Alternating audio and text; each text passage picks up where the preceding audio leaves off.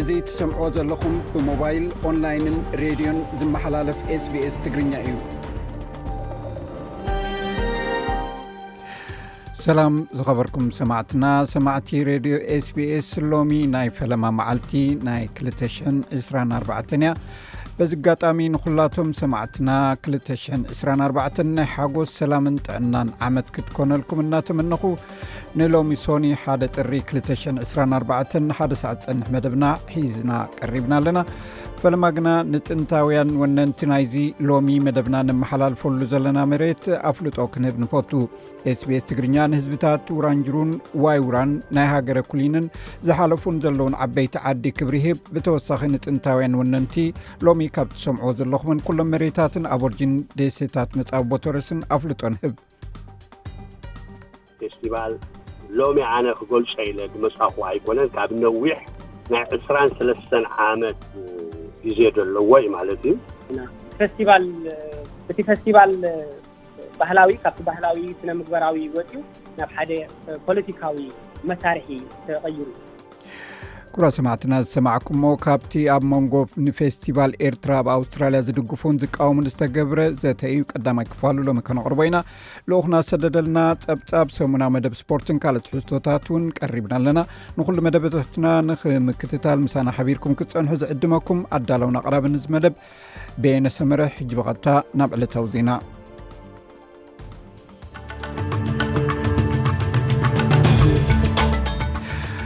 ዜና ንምጅማር ኣርስታት ዜና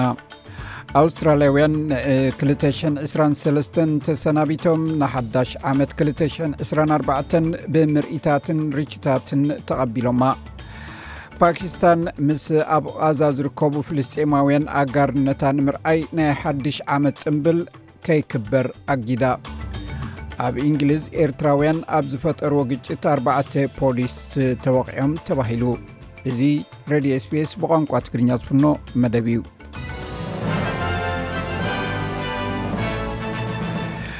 ኣርሳት ዜና ይኹም ክሰሙ ጸኒሕኩም ዝርዝራቶም ይስዕብ ኣብ መላእ ኣውስትራልያ ህዝቢ ንዓመተ 223 ተሰናቢቶም ን 224 ሓዳሽ ዓመት ብዝተፈላለየ ኣጋጣሚታት ምርኢታትን ርችታትን ተቐቢሎማ ብኣማይት ኣሽሓት ዝቁፀሩ ኣውስትራልያውያን ንሓድሽ ዓመት ንምቕባል ፍርቂ ለይቲ ሰማይ ብናይ ርችት ብርሃን በሪሁ እቲ ፍሉጥ ድንድል ሃርበር ናይ ሲድኒ ብብርሃን ተወሊዑ ብምርኣይ ሓጎሶም ክገልጹ ሓዲሮም። ኣብ ሲድኒ ህዝቢ ኣብ ጥቓቲ ሃርበር ኣብ ዝርከብ ቦታታት ምንጻፍ ኣንጺፎም ውዒሎምን ሓዲሮምን ነቲ ምርኢት እናረኣዩ ድማ ንሓድሽ ዓመት ተቐቢሎማ። ልዕሊ 8.5 ቶን ርችት ምስ 80 ሽሕ ናይ ክሮት ቴክኒክ መሰነይታ ድምፅን ሓጎስ ተዓዘብትን ተዓጂቡ እዩ እቲ ፅምብል ምቕባል ሓድሽ ዓመት ተኻይዱ። ኣብ ብዙሕ ምምሕዳር ግዝኣታትን ተሪቶሪታትን ኣውስትራልያ ናብ ሓድሽ ዓመት ኣብ ዝስገረሉ ዝበዝሐ ሰሜናዊ ኣውስትራልያ ብዘንድድ ሙቐብቲ ክቕኒ ኦም ገሊኡ ክፋላት ኩንስላንድ ሰሜናዊ ቶሪቶሪን ከምኡውን ምዕራባዊ ኣውስትራልያ ልዕሊ ማእከላይ ገምጋም ካብ 8 ክሳዕ 12 ዲግሪ ሴንቲግሬድ ክድይብ ትፅቢት ይግበር ቤት ፅሕፈት ሜትሮሎጂ ንኒው ኖርዘርን ቴሪተሪ ኩንስላንድን ከቢድ ዋዒ ኣብ ደቡብ ድማ ፎኪስ ኩነታት ኣየር ክህሉ ናይ ዋዒ መጠንቀቕታታት ሂብሎ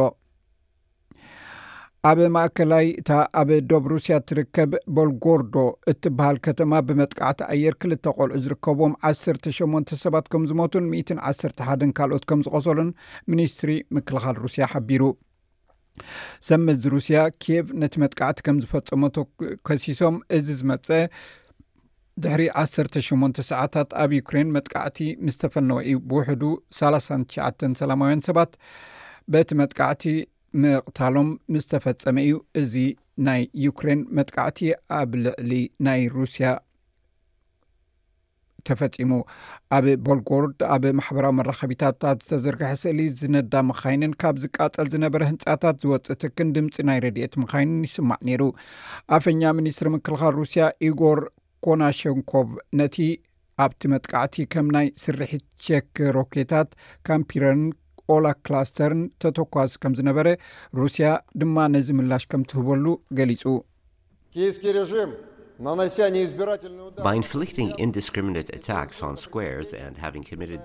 ስርዓት ኪየቭ ኣብ ኣደባባያት ብዘይ ኣፈላላይ ብምጥቃዕን ነዚ ገበን እዚ ብምፍጻማን ኣቓልቦ ሰባት ንምስሓብ ኣብ ቅድሚት ዝስርዑ ሰባት ንተመሳሳሊ ተግባራት ከም ዝገበረት ተፈሊጡሎ ሰራዊት ሩስያ ኣብ ወተሃደራዊ ዒላማታትን ምስኡ ዝተተሓሓዙ ትሕተ ቅርፅን ጥራይ ከም ዘጥቅዕ ብምጉላሕ ወትሩ ከምኡ ክንገብር ኢና እዚ ገበን እዚ ግን ከይትቐፀ ኣይክተርፍን እዩ ኣብ መላእ ኣውስትራልያ ካብ ዝርከቡ ልዕሊ 8ያ ካውንስላት ኣብ መዓልቲ ኣውስትራልያ ማለት 26 ጥሪ ዝግበር ናይ ዜግነት ፅምብላት ከም ዘይፍፅሙ ፀብፃባት ኣመልኪቶም እዚ ስጉምቲ ከም ምልክት ክብሪ ንደቀባትን ቀዳሞት ማሕበረሰባትን ኮይኑ እዚ ኣካል ናይቲ መዓልቲ ኣውስትራልያ ንክቕየር ብሓባር ዝግበር ፃዕርን እዩ ተባሂሉ እቲ ስነ ስርዓት ምሃብ ዜግነት ኣብ ክንዲ እቲ ፃዓዱ እንግሊዛውያን እግሮም ኣብ ኣውስትራልያ ዘንበርሉ ዕለት 26 ጥሪ ዝኸውን ካብታ መዓልቲ እቲኣ ሰለስተ መዓልቲ ኣቐዲሙ ወይ ሰለስተ መዓልቲ ድሒሩ ክግበር እዮም ዝደልዩ ይኹን እምበር መንግስቲ ኣልበን ኣልባኔዝ ነቲ ዕለት ንክቕይር ነቶም ካውንስላት ከም መመኽነይታ ክጥቀመሎም እዩ ዝድሊ ዝደሊ ተባሂሉ ይኽሰስ ኣሎ ናይ ሰልፊ ናይ ተቃዋሚ ሰልፊ ሚኒስተር ኢሚግሬሽን ዳን ዳሃን ንስካይ ኒውስ ኣብ ዝሃቦ ሓበሬታ ፈደራል መንግስቲ ነቶም ካውንስላት ነቲ ጽምብል መሃብ ዜግነት ክገብሩ ከገድዶም ኣለዎም ኢሉ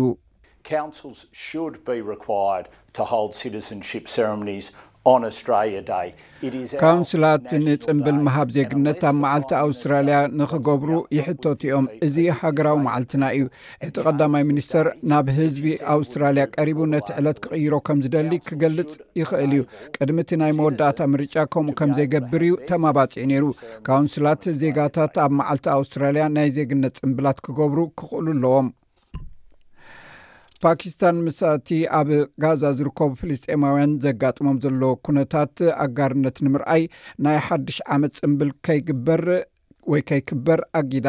ህዝቢ ብቅልል ዝበለ ኣገባብ ን ሓድሽ ዓመት ክቕበል መንግስቲ እተ ሃገር ፀዊዑ ኣሎ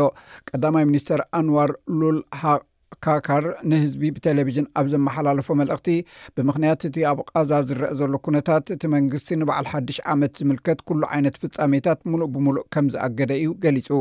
ፓኪስታንን ማሕበረሰብ ሙስሊም ኡማን ኣብ ጋዛን ኣብ ዌስት ባንክን ዝነብሩ ፍልስጤማውያን ዝግበር ዘሎ ቅትለት ብፍላይ ካብ ልዕሊ ንጹሃት ህፃናት ዝፍፀም ጅምላዊ ቅትለት ኣዝዩ ከም ዘሕዝኖም ገሊፆም ኣለው እቲ ኣብ ሕቡራት ኢማራት ዓረብ ዝርከብ ሻርጃ ነቲ ኣብ ቓዛ ዘሎ ኩነታት ኣብ ግምት ኣእትዩ እቲ ናይ ሓድሽ ዓመት ዝግበር ርችት እውን ኣጊድዎ እዩ ፖሊስ ሻርጃ ኣብ ፌስቡክ ኣብ ዘመሓላለፎ መልእኽቲ ነቶም እግድ ዝጥሕሱ ሰባት ሕጋዊ ስጉምቲ ክወስድ ምዃኑ ኣጠንቂቑ እቲ እገዳ ልባዊ መግለፂ ጥምረትን ሰብኣዊ ምትሕብባርን ነቶም ኣብ ቓዛ ዝርከቡ ኣሕዋቶም ምዃኑ እውን ፖሊስ ገሊፁ ሰበስልጣን ደቡብ ኣፍሪቃ ኣብታ ኣብ ኩኒ ኳዙሉ ናታል እትርከብ ንእሽቶ ከተማ ላድስሚት ዘጋጠመ ምዕልቕላቕ ማይ ልዕሊ ደርዘን ዝኾኑ ሰባት ከም ዝሞቱ ኣረጋጊጾም ወሃብ ቃል ፖሊስ ኮሎኔል ሮበርት ነትዩንዳ ኣብቲ ዕልቕልቕ ማይ ዘስዓቦ ስብርባር ናይ 2ስራን ሓደን ሬሳታት ተረኺቡ ኢሉ እቲ ሓደጋ ኣብ በዓል ልደት ዘጋጠመ ኮይኑ ኣስታት ሓደ ሽሕን ኣርባዕተ ሚትን ዓባይ ተዓን እዩ ገና ሃለዋቶም ዘይተረጋገፁ ሰባት ስለ ዘለዉ ቁፅርቶም ዝሞቱ ክውስኽ ትፅቢት ይግበር ኣብ ጥቃ ዶብ ኒው ሳውት ዌልስን ዶብ ኣውስትራልያን ደቡባዊ ኣውስትራልያን ሓንቲ ባቡር ምስ ሓንቲ ናይ ፅዕነት መኪና ድሕሪ ምግጫዋ ክልተ ዘወርቲ ተባቡር ሞይቶም እቲ ናይ ዘ ፓስፊክ ናሽናል ፍራይት ባቡር ኣብ ገጠር ደቡብ ኣውስትራልያ ትርከብ ባየርጉ ምስ ሓንቲ መኪና እዮም ተጋጭያ። ወሃብ ቃል እቲ ኩባንያ ኣብ መግለጺኡ ቀዳምነት ዝህቦ ነገር ንስድራ ቤት እቶም መራሕቲ ባቡር ኣብ ምሕብሓብ ምዃኑ ገሊጹ። ምምፃእ ናይ ሓድሽ ዓመት ኣብ ኣውስትራልያ ንዝተፈላለዩ ሰባት ዝተፈላለዩ ሓደሽቲ ሕግታትን ደንብታትን ጥቕምታትን ከም ዝህሉ ተገሊፁ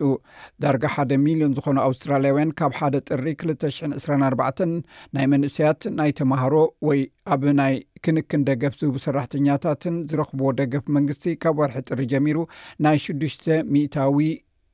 ወሰኽ ክብ ኢሉ ኣሎ ንመንእሰያት ዝውሃብ ደገፍ ኣብ ክልተ ሰሙን ወይ ፎርትናይት ካብ 22 ክሳብ ዕስራ ኣርባዓን ሓሙሽተን ዶላር ወሰኽ ከርኢ ከሎ ኣብ ትሕቲ ናይ ፋርማሲ ድጎማ ወይ ፋርማቲቲካል በነፊት ስኪም ብሓኻይም ዝእዘዝ ዋጋ መድሃኒታት ካብ ዕስራን ሸዓተን ሚእታዊ ናብ ሳላሳ ዶላር ወሪዱ ኣሎ ሽሕ እኳ እዚ ሓድሽ ስጉምትታት ዝውሰድ እንተኾነ ከም ናይ ኣውስትራልያ ቤት ምክሪ ማሕበራዊ ኣገልግሎታት ሳንድራ ጎሌንድ ዝኣመሰሉ ግን እዚ ስጉምቲ እዚ እኹል ኣይኮነን ይብሉ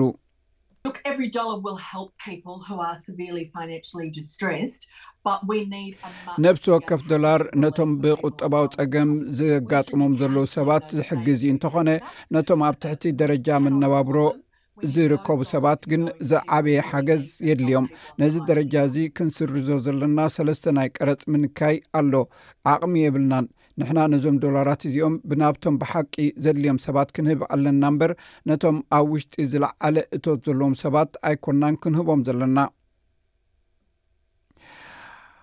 ኣብ እንግሊዝ ዝነብሩ ኤርትራውያን ኣብ ዝፈጠርዎ ግጭት ኣርባዕተ ፖሊስ ተወቂዖም ኢትዮጵያ ካብ ሎሚ ሓደ ጥሪ 224 ጀሚሩ ብዕሊ ኣባል ብሪክስ ክትከውን እያ እዚ ኣርስታት ፀብፃብ ልኡክና እዩ ፀጋይ ክንፈ ኣቅሪብዎ ኣሎ ኢትዮጵያ ሎማዕንቲ ወግዓዊት ኣባል ብሪክስ እትኾነሉ ዕለት ምዃኑ ተገሊፁ። ኣብ ውርሒ ነሓሰ ክልተ ሽሕን ዓሰርተ ሓሙሽተን ዓመተ ምህረት ኣቆፃፅራ ግእዝ ኣብ ጆሃንስበርግ ኣብ ዝተሳለጠ መበል ዕስራን ሓሙሽተን ጉባኤ ኣባላት ሃገራት ብሪክስ ኢትዮጵያ ኣባል ንምዃን ዘቕረበቶ ሕቶ ቅቡል ከምዝተገብረ ዝዝከር እዩ። ሎማዕንቲ ኢትዮጵያ ሓዊሱ ግብፂ፣ ሕቡራት ዓረብ ኤምሬትስ፣ ስዑድ ዓረብን ኢራንን ካብ ሎሚ ሓደ ጥሪ ክልተ ሽሕን ዕስራን ኣርባዕተን ጀሚሩ ብዕሊ ኣባላት ብሪክስ ከምዝኾና ተፈሊጡ ኣሎ። እተን ሓሙሽተ ሃገራት እንትትሕወሳ ቁፅሪ ኣባል ብሪክስ ናብ ዓሰርተ ክብ ከምዝብል እውን ተሓቢሩ እዩ። ኤርትራዊት ድምፃዊት ኤልሳ ኪዳነ ተሸላሚት ኦዳ ብምዃን ተዓዊታ። ኤርትራዊት ድምፃዊት ኤልሳ ኪዳነ ዝሓለፈ ሰሙን ኣብ ኣዲስ ኣበባ ብዝተኻየደ ኦዳ ኣዋርድስ ብልፅቲ ደራፊት ተባሂላ ተሸሊማ ኣላ። እቲ ንዝተፈላለዩ ስነጥበባዊ ስራሓት ኣፍልጦ ዝህብ ዓመታዊ ፕሮግራም ካብ ሸሞንተ ሃገራት ምብራቕ ኣፍሪካ ንዝኸዱ ስነጥበባውያን እውን ሸሊሙ ኣሎ። ኣብ ለንደን ኤርትራውያን ኣብ ዝፈጠርዎ ግጭት ኣርባዕተ ፖሊስ ተዋቒዖም ተባሂሉ። ኣብ ዓዲ እንግሊዝ ደቡብ ለንደን ኤርትራውያን ድሕሪ ዘካየድዎ ሰልፊ ኣርባዕተ ኣባላት ፖሊስ ተወቒዖም ሸሞንተ ሰባት ድማ ኣብ ቀይዲ ከምዝኣተዉ ፖሊስ እታ ከተማ ምፍላጡ ቢቢሲ ፀብፂቡ'ሎ። ኣብ ካምበርዎል ኣብ መንጎ ማሕበረሰብ ኤርትራ ብዝተፈጥረ ወጥሪ ተቓውሞ ድሕሪ ምክያዱ እዩ ግጭት ከም ዝተልዓለ ፖሊስ ወሲኾ ነጺሩ ዘሎ። ዝተዘርግሐ ተንቀሳቓሲ ኣሳእል እቲ ፍጻመ ከም ዘመልክቶ በትሪ ዝሓዙ ሰባት ምስ ኣባላት ፖሊስ ክጋጨውን መኻይን ደው ክብላን የርኢ ይብል ጸብጻብ ቢቢሲ። እቲ ግጭት ቅድሚ ምጅማሩ ኣስታት ሓምሳ ሰባት ኣብ ኣፍደገ ሓደ ናይ ብሕቲ ኣዳራሽ ክተኣኻኸቡ ከም ዝተራእየ'ውን መግለጺ ፖሊስ የመልኪቱ'ሎ። ኣብቲ ኣዳራሽ ዘ ላይት ሃውስ ብቐዳም ምሸት ብበዝሒ ዘለዎ ሓይሊ ፖሊስ ተዋፊሩ ከም ዝሓደረ እቲ ጸብጻብ ኣመልኪቱ'ዩ። ሸሞንተ ሰባት ብጎነጻዊ ዕግርግር፣ ዕንወትን ምሓዝ ሓደገኛ መሳርሒታትን፣ ኣብ ልዕሊ ኣባላት ፖሊስ መጥቃዕቲ ብምፍጻምን ዝብሉ ገበናት ኣብ ቀይዲ ከም ዝኣተዉን ተሓቢሩ'ሎ። ኣርባዕተ መኮንናት ቆሲሎም ሓደ ካብኣቶም ናብ ሆስፒታል ከይዱ ሕጂ ግን ተፋንዩ ይብል እቲ ዝወጸ መግለጺ።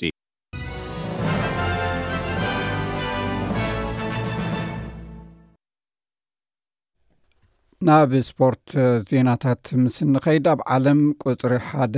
ተፃዋታይ ባይታ ቴኒስ ኖቫክ ጆኮቪች ነቲ ናይ 223 ወቅትታት ፀወትኡ ናይ 224 ወቅትታት ፀወትኡ ክጅምር ከሎ ድልቱ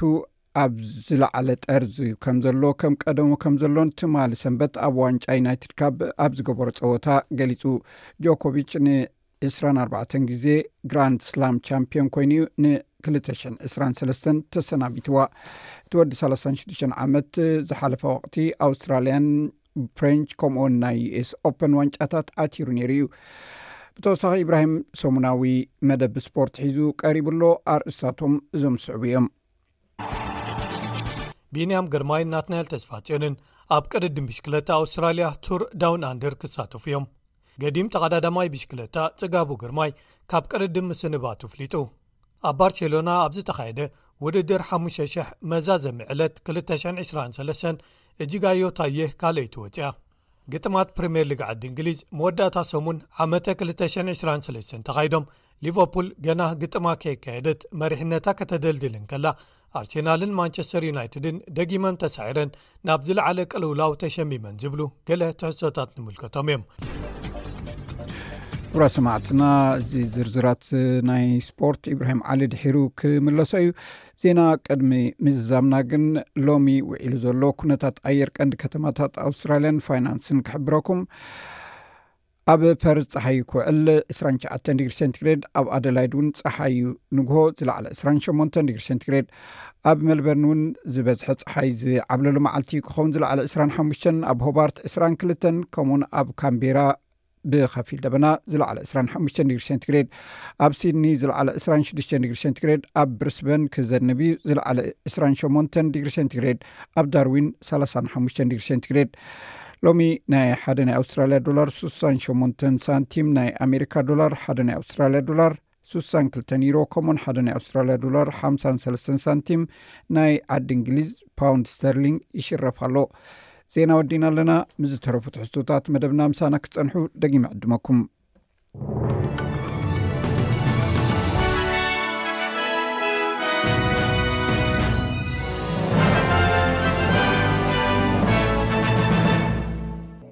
ኣብ ኣውስትራልያ በብ ዓመቱ ዝኽሰት ባርዕ ጣሻ ንምምካት 260ሺሕ ዝኾኑ ድልዱላት ኣብዚ ቃልሲ ብወለንታ ዝሳተፉ እንተዘይህልው እዛ ሃገር ካብዚ ሓደጋ ክትወፅእ ምኸበዳ ሕጂ እውን ነዚ ሕብረ ብዙሕ ባህሊ ሕብረተሰብ ካብዚ ሓደጋ ንምድሓን ወለንተኛታት ክምዝገቡ ይሕተቱ ኣለዉ ኣብ ኣውስትራልያውያን ፋሪስ ወይ ድማ ሰብ ሓዊ ዝብል ኣፀዋውዓ ኣካል ንቡር ሂወት እቲ ህዝቢ እዩ ዝበዝሑ ካብዚኣቶም ብወለንትኦም ንማሕበረሰባት ኣውስትራልያ ግዜኦም ብዘይስስዐ ዝውፍዩ ሰባት እዮም ኣብ ከባቢኻ ዝርከብ ናይ ሓዊ ምጥፋእ ብርጌድ ንምስታፍ ምምዝጋብ ቀሊል ምዃኑ ካብ ኣገልግሎት ሓውን ህፁፅ ኩነታትን ኩንስላንድ ወዲ ኣርባዓ ዓመት ገዲም ተቓላሳይ ሓዊ ዋይነ ዋልትስቡህ ይገልፅ። ንሱ ኣብ ብሪስበን ዝርከብ ናይ ሪጂናል ሩራል ፋየር ሰርቪስስ ዘካይድ እዩ።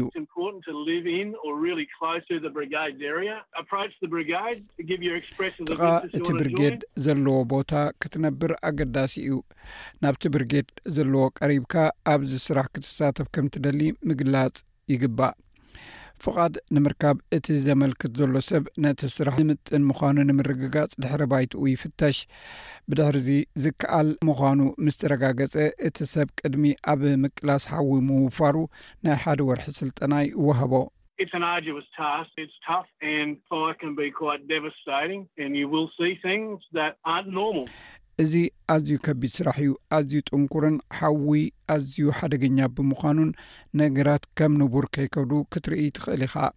ሰባት ኣብዚ ስራሕ ንምስታፍ ቅድሚ ምምልካቶም ንውሳኔኦም ብጥንቃቐ ክርእይዎ ሱፐርኢንተንደንት ዋልስዊው የተባብዕ። ብዙሓት ካብ ዝተመዝገቡ ንነዊሕ እዋን ከም ዘይጸንሑ እውን ኣይሓብእን።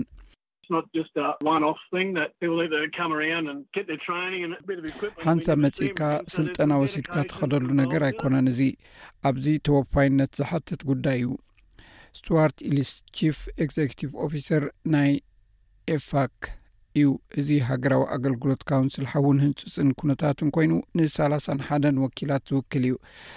ንመዓልታዊ ንጥፈታቶም ንምምሕዳሮም እቶም በራጊድ ዝተፈላለየ ክእለታት ዘለዎም ሰባት ከም ዘድሊ ኤሊስ ይገልጽ። There's a range of support and administration capacity radio operators. ብዙሕ ዓይነት ናይ ደገፍ ንምምሕዳርን ሬድዮ ኦፕሬትራትን ኣወሃሃድትን ዝሓትት ስራሕ እዩ። እዚ ማለት እቲ ስራሕ ብቐጥታ ኣብቲ ምጥፋእ ሓዊ ዝሳተፉ ሰባት ጥራይ ኣይኮነን ዝደሊ። ናይ ዝሓለፈ መጽናዕቲ ህዝቢ ከም ዘመልክቶ ኣርብዓን ትሽዓተን ሚእታዊ ኣውስትራልያውያን ኣብ ካልእ ሃገር ዝተወልዱ ወይ እውን ብውሕዱ ካብ ወለዶም ሓዲኦም ኣብ ወጻኢ ዝተወልዱ እዮም። ልዕሊ ሓምሳ ሚእታዊ ካብዚ ህዝቢ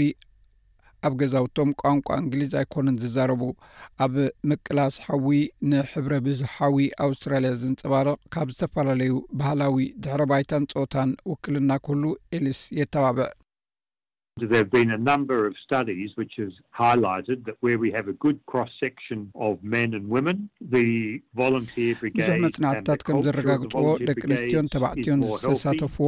ባህላዊ ብዙሕነት ዘለዎ ወለንተኛታት ኣብ ብራጊድ ምጥፋእ ሓዊ ክሳተፉ ምግባር ጥዑይን ግቡኡን ውሳኔ ንምውሳን ይሕግዝ እዩ ሱፐርኢንቴንደንት ዋልስቡ በዚ ይሰማማዕ ካብ ማሕበረሰብ ብስደት ዝመፁ ድልዱል ውክልና ምስዝህሉ ተወሳኺ ጠቕሚ እዩ ይብል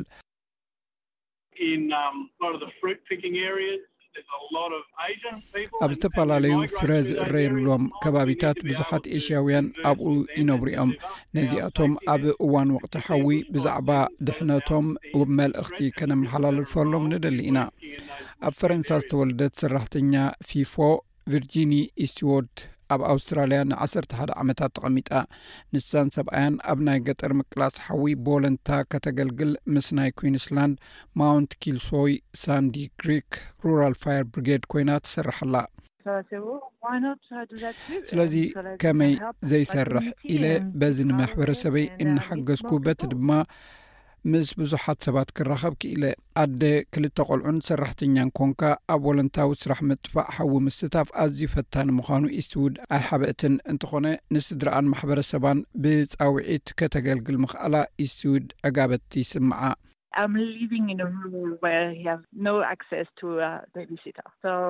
ኣብቲ መውዓሊ ቈልዑ ዘይርከቦ ኣብ ርሑቕ ገጠር ስለ ዝነብር፣ ደቀይ ምስ መሓዙተይ ንኽጸንሑ ሓቲተ ናብቲ ስራሕ ይዋፈር፣ እንተ ዘይከኣልኩ ድማ ሰብኣየይ ይኸይድ። ኢስትዉድ ንብሪስበን ገዲፋ ኣብ ገጠራት ናይ ኲንስላንድ ብምንባር ምስቲ ናይቲ ከባቢ ብርጌድ ምጥፋእ ሓዊ ምስታፍ ካብ ትጅምር ሰለስተ ዓመታት ኣቑጺራ ኣላ።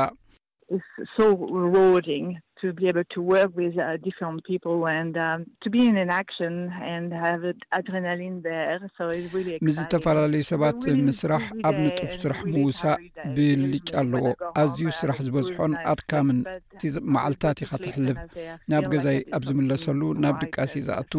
እንተኾነ ሎሚ እቲ ቁኑዕ ስራሕ ሰሪሐ ንኣውስትራልያን ነዚ ኣብዚ ዘሎ ህዝብን ፅቡቅ ስራሕ ሰሪሐ ኢለ በጥ ይብል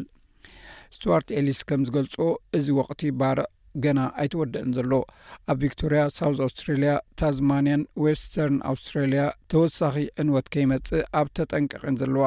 ኣገልግሎት ሓዊ ካብ ከተማታት ብዙሓት ሰባት ኣብ ወለንታዊ ስራሕ ንምስታፍ ይምዝገቡ ኣለዉ።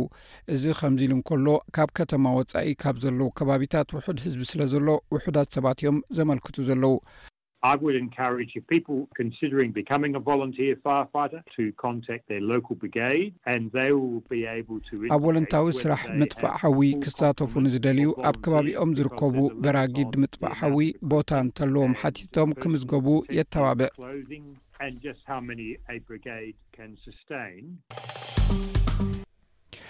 ኩብራት ሰማዕትና ካብዚ ቀጺሉ ተሰሪዑ ዘሎ መደብ ልኡክና ዝሰደደልና ጸብጻብ እዩ ብዛዕባ ድርቂ ኣብ ትግራይ ዝርከብ ዝምልከት ናይ ፌደራል ሰብ መዝን ከምኡውን ናይ ግዜዊ ምሕዳር ትግራይን ዘሎ ምስሓሓብ ዝገልጽ እዩ ናብኡ ከብለኩም ግዜዊ ምሕዳር ትግራይን ምምሕዳር ኣብዪ ኣሕመድን ኣብ ትግራይ ብዘሎ ዓፀቦ ንሓድሕዶም ተኻሲሶም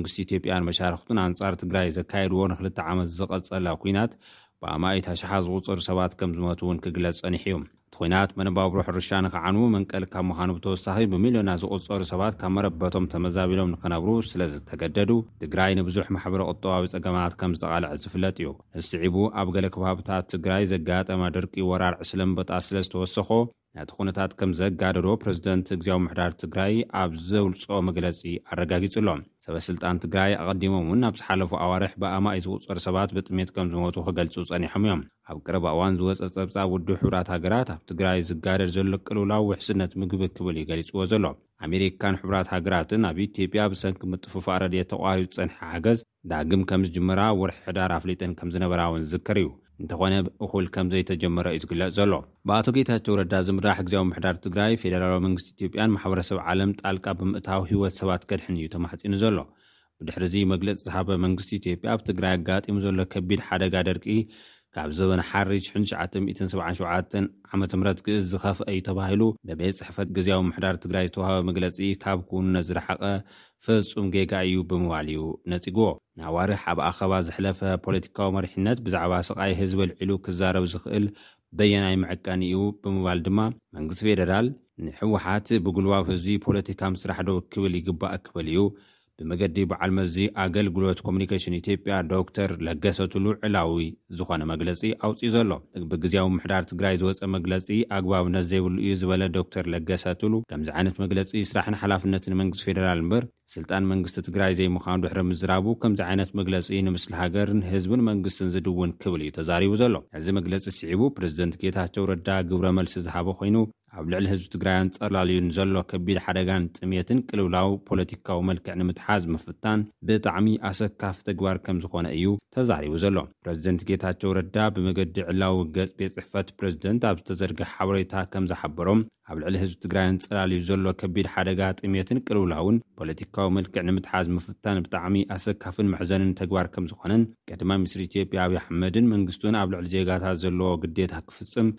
ንዝምልከቶ መንግስታዊ ኣካላት ዳግማይ መምርሒ ክህብ ይግባእ ክብል እዩ ተማሕጺኑ ዘሎ። ሚኒስትሪ ኮሙኒኬሽን መንግስቲ ኢትዮጵያ ግዝያዊ ምምሕዳር ትግራይ ነቲ ቅልውላው ፖለቲካዊ ገይሩ ክብል ምኽሳሱ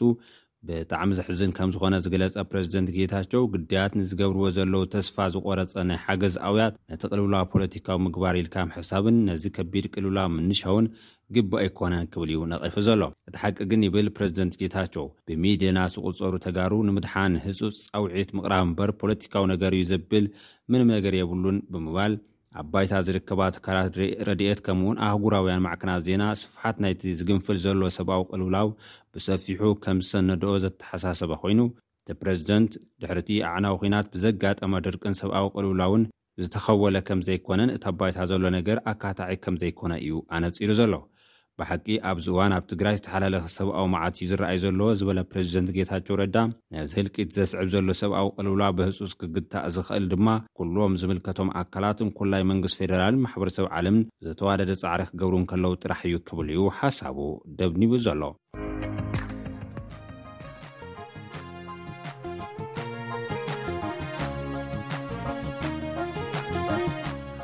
ክብራት ሰማዕትና ሎሚ ሓድሽ ዓመት እዩ 224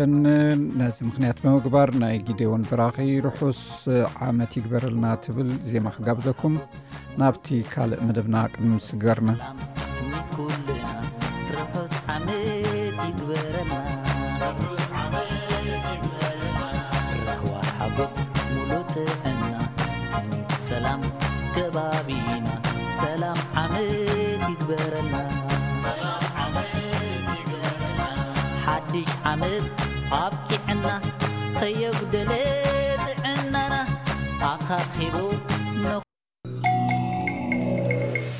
ማሕበረሰብኩም ዘተኹም SBS ትግርኛ ሰላም ዝኸበርኩም ሰማዕትና ሰማዕቲ ሬድዮ ስፔስ ሎሚ ዕዱማት ኣለውኒ ኣኽሊሉ ገብረ እግዚኣብሄር ካብዚ ካብ መልበን ሃቱ ገብረ መድህን ካብ ሲድኒ ከምኡኡን ኣቶ መዝሙር ሰለሙን ካብ ፐርዝ እዮም። ሎሚ ንዘራረበሉ ዛዕባ ብዛዕባ ፌስቲቫልን ምስ ዝተተሓሓዘ ጉዳያትን ፌስቲቫል ናይ ኤርትራ ማለት እዩ ኣብዚ ኣብ መልበርን ናይ 223 ንክግበር ኣብ ምቅርራብ እዩ ዘሎ ብካልእ ወገን ድማ ንዕኡ ዝቃወሙ እውን ኣለው ስለዚ ካብ ክልቲኡ ወገን ኢና ከነዘራርብ ፈቲና ማለት እዩ ኣክሊሉ ካብቲ ኣብ ፌስቲቫል ንጡፍ ተሳታፋይን ካብቶም ኣተሓባበርቲ ክኸውን ይኽእል እዩ ብዛዕባ እቲ ፌስቲቫል ከብለና እዩ እቶም ካልኦት ድማ ንኡ ዝቃወምሉ ምክንያታት እንተልዎም ከዓ ክዛረቡ እዮም ስለዚ በዚ መንፈስ ኢና ክንጅምር ስለዚ ኣክሊሉ ባእካ ክጅምር ከመይ እቲ ፌስቲቫል ምድላዋት ዝግበር መዓሲ ክግበር ብዛዕባ እዚ ዘለካ ሓፈሻዊ ዕላምኡን ሕፅር ኣቢልካ ተገሊፅካለይ ናብቲ ካልእ ክንከይድ ኢና መርሓባ በየነ ንዝሃብካኒ ዕድል እንዳመስገንኩ መጀመርያ ርሑስ ሓድሽ ዓመት ቅንያት ሓድሽ ዓመት ማለት እዩ ከምኡ እውን ልደት ንኹላትና ነዞም ኣጋይሽ ንዓኻ ንምሉእ ህዝቢ ኤርትራ ኣብ ውሽጥን ኣብ ደገን ዘሎ ብምቕጻል ብዛዕባ ፌስቲቫል ክዛረብ እንተ ደኣ ኮይነ፣ ፌስቲቫል ሎሚ ኣነ ክገልጾ ኢለ ዝመጻኹዎ ኣይኮነን። ካብ ነዊሕ ናይ ዕስራን ሰለስተን ዓመት ግዜ ዘለዎ እዩ ማለት እዩ። እዚ ከኣ ብሰነድ መንግስቲ ኣውስትራልያ ጥራይ ዝፈቕደሉ ጥራይ ዘይኮነ እውን ካብ ቅድም ኣትሒዙ ዝፈልጦ ብጽቡቕ ታሪኽ ዝፍለጥ ኣብ ሙሉእ ዓለም ዝፍለጥ ኣብ ኣውስትራልያ ጥራይ ዘይኮነ ኣብ ኒውዚላንድን ኣውስትራልያን ጥራይ ዘይኮነ ዳርጋ ኣብ ሙሉእ ዓለም ዝፍለጥ እዩ ስለዚ ከምዚ ይመስል ናይ ግዜን ናይ ቦታን ንዝብል ሕቶ እዚ ንግዜ ተገዲፉ ንኩሉ ሰብ ብሓባር ዝሕበር ነገር እዩ ማለት እዩ ስለዚ ፍሉጥ እዩ ሓድሽ ነገር የብሉን ንልዕሊ ዕስራ ዓመታት ዝኸደ እዩ መንግስትን ኩሉን ዝፈልጦ እዩ ይብል ኣሎ በቲ ሓደ ወገን ድማ እስኪ ሃቱ ምናልባት ነዚ ምላሽ ክትበሉ እንተደሊካ ማለት ንምቅዋም ገለ ምድላዋት ትገብሩ ከም ዘለኹም ሰሚዐ ሞ ምዝ ትብሎ ዘሎ እንታይ ተቃውሞ እዩ ዘለካ ወይ እንታይ ዕላማ ሒዝኩም ኢኹም ትቃወሙ ዘለኹም ነቲ ፌስቲቫል መርሓባ በየነ ዝሃብካኒ ዕድል ኣዝዮ ዘመስግን ብመጀመርታ ከምዚ ሓውና ኣኽሊሉ ክብሎ ዝጸንሐ ንኹሉ ሰብ ርሑስ ኣውደኣመት ርሑስ ሓድሽ ዓመት እናተመነኹ እንታይ ክብል ደልየ ብፍላይ ካብ ኩሉ ግዜ ክዛረብ ከለካ ካብ ንስኻ እንዳ ክትጅምር ዘለካ ንሕና ብፍላይ እቶም ሓደሽቲ ወለዶ ሲ ከም ታሪኽ ናይ ኣቦሓጎታትና ፕሮ ዲሞክራሲ ወይ ድማ እቲ ውልቃዊ ናጽነት ዝበሃል መሰልና ክንሓትት ኢልና ኢና ንብገስ። ብመሰረቱ ከኣ ምስቲ መሬትካ፣ ምስቲ ኣከባቢኻ፣ ምስቲ ባህልኻ ዘለካ ምትእስሳር እዩ ዝያዳ ከዛርበካ ዝኽእል። ሕጂ ፈስቲቫል ከምዚ ክብሎ ዝጸንሐ ካብ ታሪኽ ተመርኲስካ ክትርእዮ እንተ ጀሚርካ ካብ ዓሰርተ ትሽዓተ ሰብዓን ኣርባዕተን ኣከባቢ ናይ ቦሎኛ እዩ ዝጅምር። እዚ ኩሉ ኣብቲ ጽላል ናይ ሰውራ ስለ ዝጀመረ ፈስቲቫል ነቲ ሰውራ ዝነበረ ነቲ ኣብ ኤርትራ ዝካየድ ዝነበረ ቃልሲ ንምትብባዕ ዝበለ እዩ መጺኡ። ብኣንጻር ናይዚ ግን ኣብ ኤርትራ እቲ ዝነበረ ፍልስፍና ስነ ሓሳብ ተሪኢኻዮ ሓሳባት ዘይጻወር ኣዝዩ ናብ መላኺ ዝኾነ ስርዓት ኣብ ዓድና ምስ መጸ ንኹሉ እዩ ተቋጻጺርዎ ሕጂ እቲ ፈስቲቫል ባህላዊ ካብቲ ባህላዊ ስነ ምግበራዊ ወጽዩ ናብ ሓደ ፖለቲካዊ መሳርሒ እዩ ተቐይሩ ሕጂ ኣነን ኣኽሊሉን ኣብዚ እንታይ ንኸውን ኣለና ንወጽዓ ዝድግፍን ኣንጻር ወጽዓ ዝቃለስን ኮይንና ክንሟጎት ወይ ኢሂን ምሂን ክንበሃል ዕድል ዝፈጠርካልና ውን ኣዝየ እየ ዘመስግነካ። ሕጂ ናበይ እየ ክምለስ ደልየ እቲ ኣማጻጽኣ ናይቲ ፈስቲቫል እንተ ርኢኻዮ እቲ ሕጂ ዘንጸባርቖ ነጸብራቕ ውን ናቱ ናይቲ ዝነውሐ ታሪኽ ዝተኣሳሰረ እዩ። ሕጂ ዋላ ኣብዘን ካብ ክልተ ሽሕን ዕስራን ሓደን ካብ ክልተ ሽሕን ዕስራን ንደሓር ክሳብ ሕጂ ዘሎ ኣብ ኣውስትራልያ ዝካየድ ዘሎ ፈስቲቫላት እንተ ርኢኻዮ ነፍሲ ወከፍ ኣብ ነፍሲ ወከፍ ፈስቲቫል ዝመጽእ ተወካሊ ካብ ኤርትራ ኣሎ። ዚ'ቲ ፖለቲካሊ ካልቸራሊ ከም ዘይምዃኑ ንምንጋር'የ ዝዛረብ ዘለኹ። ሕጂ ንኣብነት እንተ ርኢኻዮ ዓሚ ዮሱፍ የስቅ መጺኡ ነይሩ። እዚ ከኣ እዚ ሄድ ኦፍ ኦርጋናይዜሽን ኣፌር ናይ CFDJ እዩ። ናይ ፖለቲካል CFDJ ኣብ ኤርትራ ዘላ ሓንቲ ፓርቲ ዘላትና ኣብ ኤርትራ እያ። ቅድምኡ'ውን ያሲን ዑስማን መጺኡ ነይሩ። ብድቂ ቅድምኡ'ውን ዑስማን ሳልሕ መጺኡ ነይሩ፣ ሚኒስተር ኦፍ ፎረን ኣፌር ናይ ኤርትራ ማለት እዩ። ሕጂ እዚ ብስም ካልቸራል ፈስቲቫል ዝካየድ ኣብ ሜርቦን ዝካየድ ዘሎ ዓመት ዓመት ካብ ክልተ ሽሕን ዕስራን ሓደን ብመልክዕ እንተሪኢኻዮ ኣምባሳደራት ጀሚርካ ብምሉኦም ካብ ዋላ ንኣብነት ኣብ መበል ዓሰርተ ሰለስተ ዘምህረት ዮውሃንስ መጺኡ ነይሩ እሱ ኸኣ እቲ ሄድ ኦፍ ሪሰርች ኤንድ ዲኮመንቴሽን ናይ CFDJ እዩ ማለት እዩ ሕጂ ካብዚ እንታይ ክትመሃር ትኽእል እዚ ፈስቲቫል እዚ ብመሰረቱ ናይ ፕሮፖጋንዳ ናይ ፖለቲካዊ መሳርሒ ናይቲ ኣብ ዓድና ካብ ዓድና ሰጒጉ ኣደዳ ስደትን መከራን ጌሩልና ዘሎ ስርዓት ምዃኑ ብመርትዖ ተረድኦ ማለት እዩ። እዚ እዩ ሕጂ ንሕና ከኣ ዘቃውመና ዘሎ ወይ ድማ ዋላ ምስ መንግስቲ ኣውስትራልያ እውን ሕቶ ነቕርብ ዘለና ብዛዕባ ሕቶ መሰልና ንሓትት ዘለና እዚ ፌስቲቫል እዚ ኢንክሉሲቭነት የብሉን መሳርሒ ናይቲ ኣብ ዓድና ዘሎ መላኺ ስርዓት እዩ። ኢና ንብዘ ቅድሚ ናብ መዝሙር ምኻደይ ምናልባት ኣክሊሉ እዚ መሳርሒ ናይ መንግስቲ እምበር ነፃ ዝኾነ ፌስቲቫል ኣይኮነን ማለት ንኩሉ ዘካተተ ወይ ኢንክሉሲቭ ኣይኮነን ዝብላ ቃላት ደጋጊሙ ዝተዛረበን እየን ምናልባት ኣብዚ ሓፂር ምላሽ እንድሕሪብካዮ ፅቡቅ ድሕሪ ናብ ማለት ከምዚ ንዓኻ ክትሕትሓታቲ ንቶም ካልኦት ሓተቲ ከይከውን ግን እስኻ ግን ብስፍሕ ዝበለ ክትገልፆ ተኽእል ኢካ ምድላይካ እወ እዚ ፌስቲቫል እዚ ሲ ፌስቲቫል ህዝባዊ ፌስቲቫል እዩ ኣብ ኣውስትራልያ እዩ ከኣ ዝካየድ ዘሎ ኣብ ፌስቲቫል ከኣ ዝኾነ ሰብ እዩ ክመጽእ ዝኽእል ምክንያቱ እንታይ እዩ እዚ ፌስቲቫል እዚ ህዝባዊ ፌስቲቫል ኮይኑ ንመንእሰያት ንህፃውንቲ ንኩሉ ዘሳተፈ ኮይኑ እቲ ከምዚ መፂኦም ከምዚ መፂኦም ከምዚ መፂኦም ዝብሎ ዘሎ መሰል እዩ መሰል እዩ ህልው ኩነታት ናይ ሃገርካ ክትፈልጥ ስኒ መሰልካ እዩ እዚኦም ሰባት እዚኦም ከኣኒ ዋላ እንተመጹ ሲ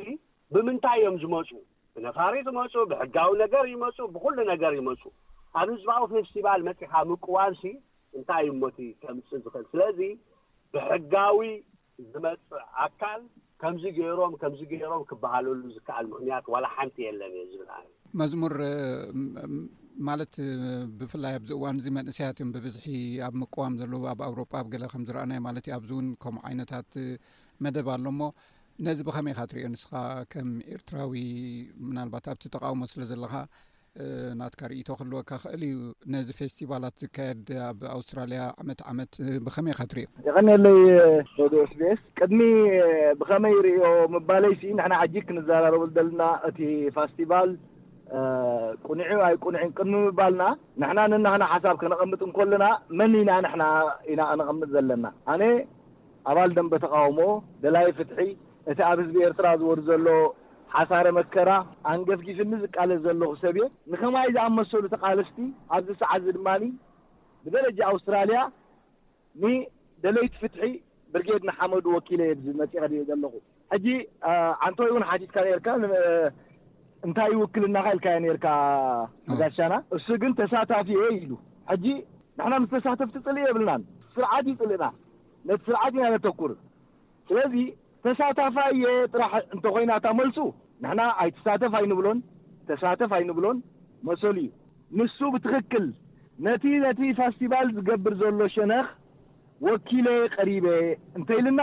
ብዛዕባ እቲ ፋስቲቫልን ኣካያይድኡን ዕላማታቱን ብዛዕብኡ ክንዛረብ ላእ ተሳታፊየ እንተይልና ግን ብዛዕባ ምስታፉ እኮ ንሕና ተቓውሞ የብልናን። እወ ግን ከም ተሳታፋይ ግን ርኢትኡ ክህብ ይኽእል እዩ ማለት እየ ማለት ሲ ደጊፍዎ ኣሎ ማለት እንድዩ እስኻ ከዓ ብወገንካ ከዓ ተቃዊምካዮ ኣለኻ ማለት እዩ ስለዚስ ዋላ ተሳታፋ ይኹን እምበር ከም ደጋፊ ናይቲ ፌስቲቫል ኮይኑ እውን እዩ ዝቐርብ ዘሎ መስለኒ ስለዚ ወካሊ ናይቲ ዝግበር ዘሎ ሰላ ፋስቲቫል ኣይኮነን ንሕና ግን ወከልቲ ናይቲ ክግበር ዝድለ ዘሎ ሰላማዊ ሰልፊ ኢና ስለዚ ብንጹር ንሱ ነቲ ነቲ ፋስቲቫል ብሰላም ንግበሮ ሓቢርና ንግበሮ ምክንያቱ ኣብታ ዘረብኡ ሕጂ ንኩሉ ዘሳትፍ እዩ ክብል ጸኒሑ ንኩሉ ከም ዘየሳትፍ ኩልና ንፈልጥ ኢና ኣባል ኢህግደፍ ዘይኮነ ኣባል ናይቲ ስርዓት ዘይኮነ ኣብታ ፋስቲቫሎም ክሳተፍ ፍቃደኛታት ኣይኮኑን ላእ ክፉት ኢዩ ዝብለና እንተኾይኑ ሓቢርና ከነብዕሎ ንሕና በበራእያና ንሶም በራእዮም ኣብ ሓደ መድረኽ ንራኸብ። ሕራይ ኣኽሊሉ ማለሲ ኣሳታፊ እዩ ንኩሉ ዘሳትፍ እዩ ኣብ እንኳይ ኣብዚ ካብ ኣስመራውን ካብ ኤርትራውን ይመፁ ኣለዉ ዝብል ዘረባ ዘተዛሪብካ እሞ ከምዚ ዝብሎ ዘሎ መዝሙር ከምዚ ዓይነት ኣረኣያ ዘለዎም ኣንጻር እቲ ኣብ ኤርትራ ዘሎ መንግስቲ ዝቃወሙ ሰባት ክሳተፉ ኣብቲ ፌስቲቫል እንታይ ርእቶ እዩ ዘሎ ብዙ እቲ ፌስቲቫል እኮ ብፖስተር እዩ ዝጥቃዕ መስለኒ ድሕር ንኩሉ ኤርትራዊ ደየሳትፍ ኮይኑ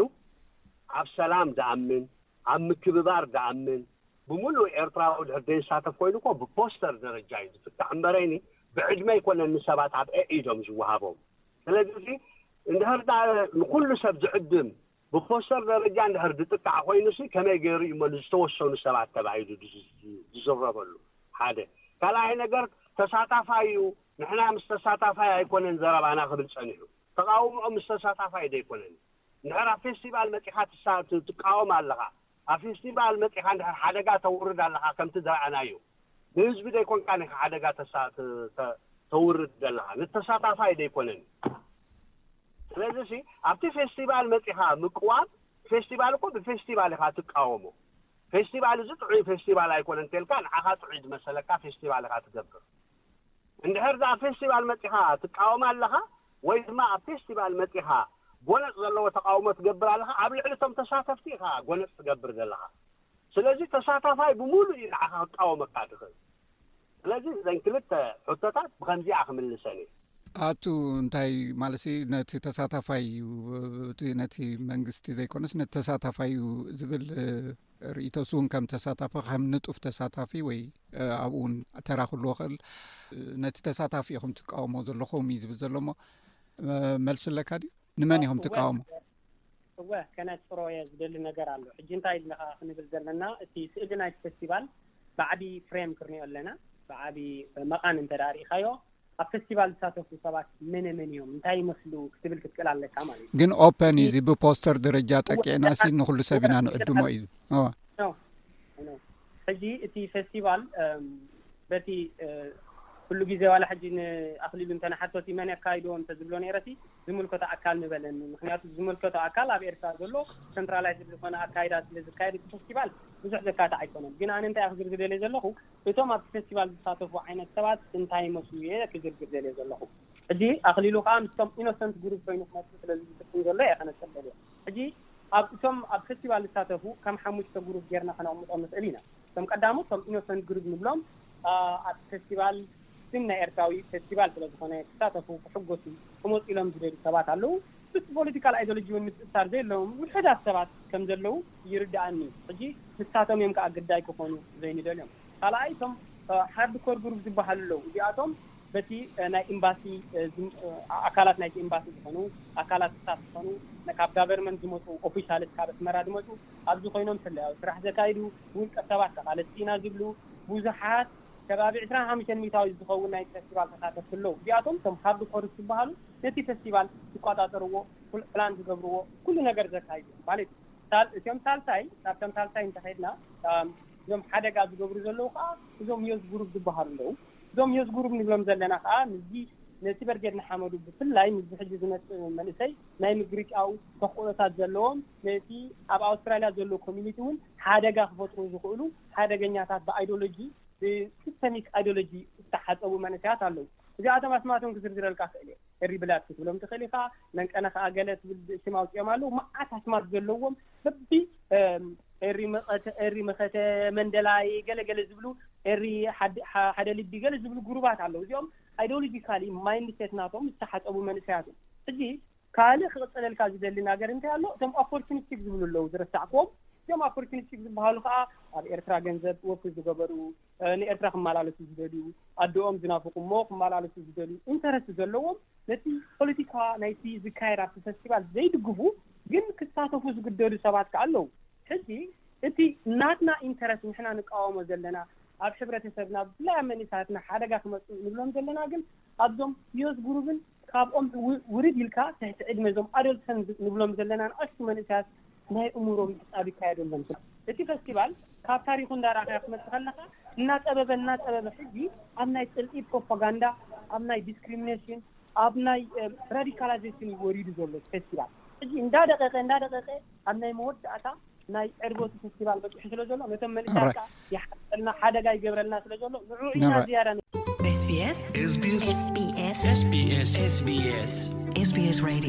ስማዕትና ስማዕቲ ሬድዮ ስቢስ እዚ ክትከታተልዎ ዝፀናሕኩም ብዛዕባ ተወጢኑ ዘሎ ፌስቲቫል ኤርትራ ኣብ ኣውስትራልያ ዝምልከት ኮይኑ ነቲ ፌስቲቫል ዝድግፉን ዝቃወሙን ቀዳማይ ክፋል ዘተ ምስ ኣቶ መዝሙር ሰለሙን ኣክሊሉ ገብረ እግዚኣብሄርን ሃቱ ገብረ መድህንን እዩ ካልኣይ ክፋሉ ኣብ ዝመጽእ መዓልታት ከነቕርቦ ኢና። ካብዚ ቀጺሉ ዝቐርብ ሰሙናዊ መደብ ስፖርት እዩ። ኢብራሂም ዓሊ ቀሪብዎ ኣሎ። ናብኡ ከስግረኩም።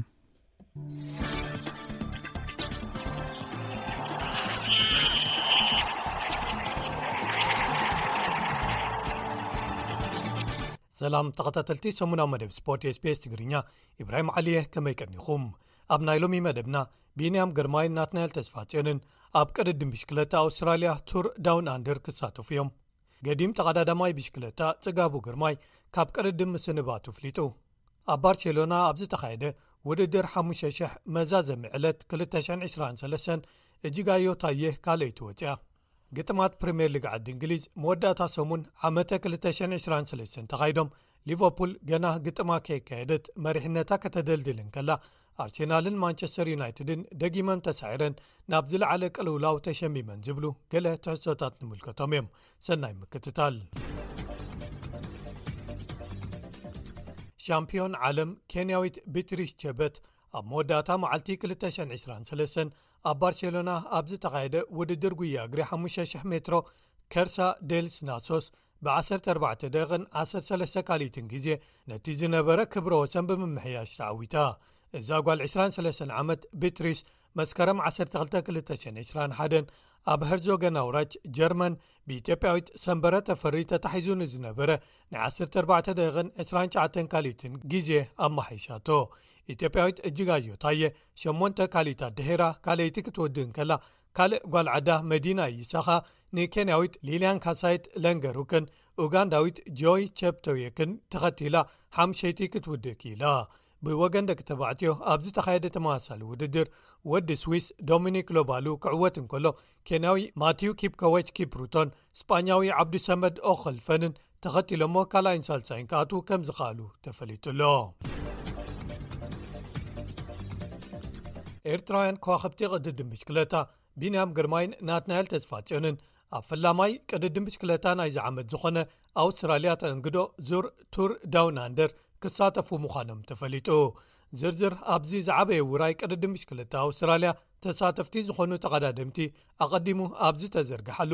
ጁልያን ኣላ ፊሊፕ ካብ ጋንታ ሶዳል ኩክሴብ ካሌብ ኤዋን ካብ ጋንታ ጀይኮ ኣሉላን ፊሊፕ ኦጋና ካብ ጋንታ ኢንስ ግረና ዴርስን ካብቶም ዝለዓለ ስም ዘለዎም ተሳተፍቲ ምዃኖም ተገሊጹ ነይሩ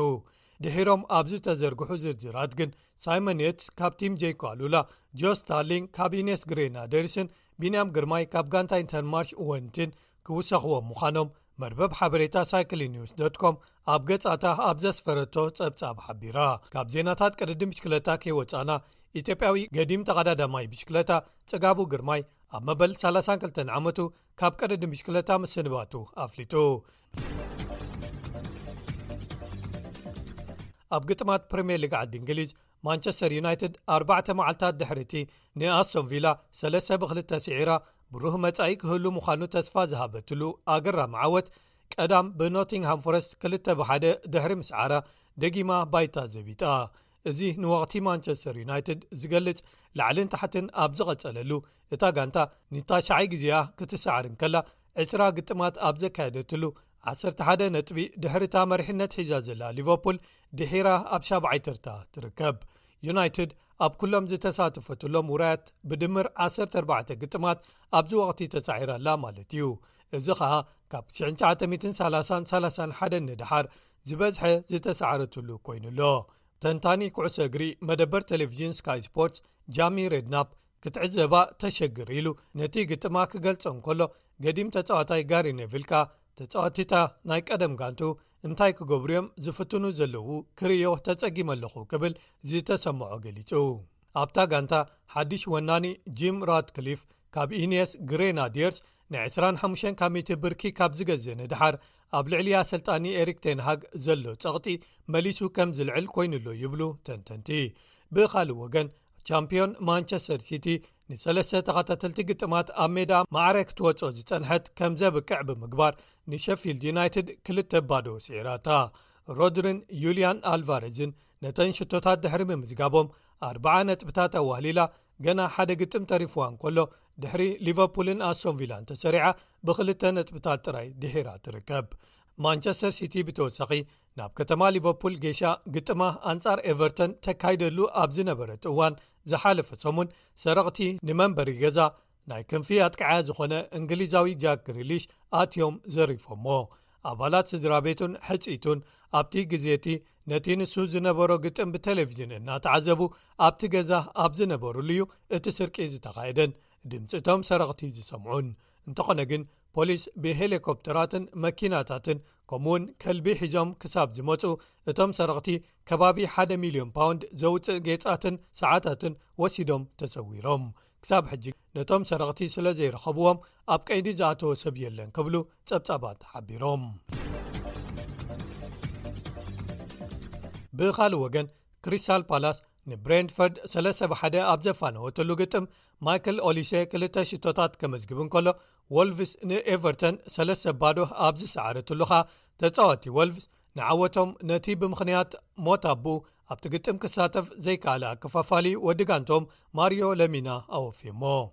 ኣስቶን ቪላ ኣንጻር በርንሊ ኣብ ዝነበራ ግጥም ሰለስተ ብ ክልተ ስዒራ ናብ ካልኣይ ተርታ ክትድይብ እንከላ፣ ቸልሲ ካብ ሜዳ ወጻኢ ንኣርባዕተ ተኸታታሊ እዋናት ዝተሳዕረቶ ብምስጋር ንሉተን ታውን ብተመሳሳሊ ውጽኢት ሰለስተ ብ ክልተ ስዒራታ።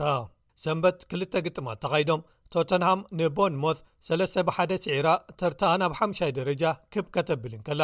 ኣርሴናል ግን ድሕሪ'ቲ ዝሓለፈ ሰሙን ዘጋጠማ ስዕረት ብዌስትሃም፣ ሕጂ'ውን ብፉልሃም ክልተ ብሓደ ተሳዒራ ነጥብታት ከሲራ ኣብ ራብዓይ ተርታ ተሰሪዓ ኣላ። ኣርሴናል ኣብዚ ግጥም ከይተዓወተት ብምትራፋ፣ ሊቨርፑል ሎሚ ምሸት ግጥማ ክሳብ ተካይድ እውን እንተኾነ ንሓጺር ግዜ ናብ ቀዳማይ ደረጃ ክድይብ ዝነበራ ዕድል ከይተጠቐመትሉ ተሪፋ። ኣርሴናል ብተወሳኺ ድሕሪ'ዚ ኣሰልጣኒ ሚከል ኣርቴታ ዝኸፍአ ጸወታ ናይታ ጋንታ ኣብዚ ወቕቲ ኢሉ ዝገለጾ ግጥም ምስታ ኣብ ቅልውላው ኣላ ክትበሃል ዝጸንሐት ብኣውስትራልያዊ ኣሰልጣኒ ኣንጅ ፖስት ጎግሉ ትእለ ሓያል መቐናቕንታ ቶተንሃም ዎትስፐር ፍልልይ ነጥባ ሓደ ጥራይ ኮይኑ ኣሎ ደገፍቲ ኣርሴናል ኣብዚ ንሓፂር ግዜ ኣብ ወርሒ ጥሪ ዝኽፈት ዕዳጋ መፋርቕ ወቕቲ ኩዕሰ እግሪ ብውሕዱ ሓደ ኣትከዓይ ዝርከቦም ተፃዋቲ ጋንታኦም ክትገዝእ ይጠልቡ ኣለዉ ኣብ ምዝዛም ዓመተ 223 እምባር ሊቨርፑል ገና ግጥማ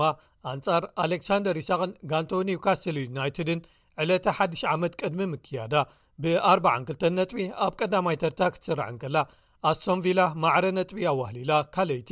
ማንቸስተር ሲቲን ኣርሴናልን ማዕረ ብ4 ነጥቢ ሳልሳይን ራባይን ሲቲ ሓደ ግጥም ጎደሎ ተፃዊታ ኣላ ማለት እዩ ቶተንሃም ከኣ ብ39 ነጥቢ ኣብ ሓምሻይ ተርታ ከም ዘለዋ ተፈሊጡ ኣሎ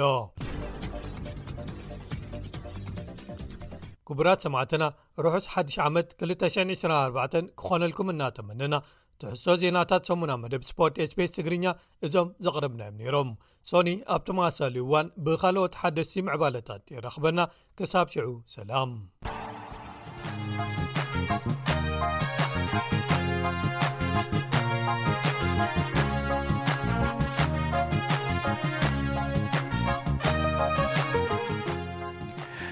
ኩራ ሰማዕትና ናይ ሎሚ መደብና ቅድሚ ዛምና ቀንዲ ነጥብታት ዜና ናይዚ መዓልቲ ክደግመልኩም ኣውስትራልያውያን ን 223 ተሰነዮም ቢቶም ንሓድሽ ዓመት 224 ድማ ብምርኢታትን ርችታትን ተቐቢሎማ ፓኪስታን ምስ ኣብ ቓዛ ዝርከቡ ፍልስጢማውያን ኣጋርነታ ንምርኣይ ናይ ሓድሽ ዓመት ፅምብል ከይክበር ኣጊዳ ኣብ እንግሊዝ ኤርትራውያን ኣብ ዝፈጠሩ ግጭት ኣርባዕተ ፖሊስ ተወቂዕም ተባሂሉ ባር ሰማዕትና ደጊመ ንኩላትኩም እንቋዕ ናብ ሓድሽ ዓመት 224 ኣብፀሓኩም እናበልኩ ኣብ ዝመፅእ ዓመት ዝተፈላለዩ ትሕዝቶታት ሒዝና ክንቀርብ ኢና ምስ ኩላትና ሰላምን ጥዕናን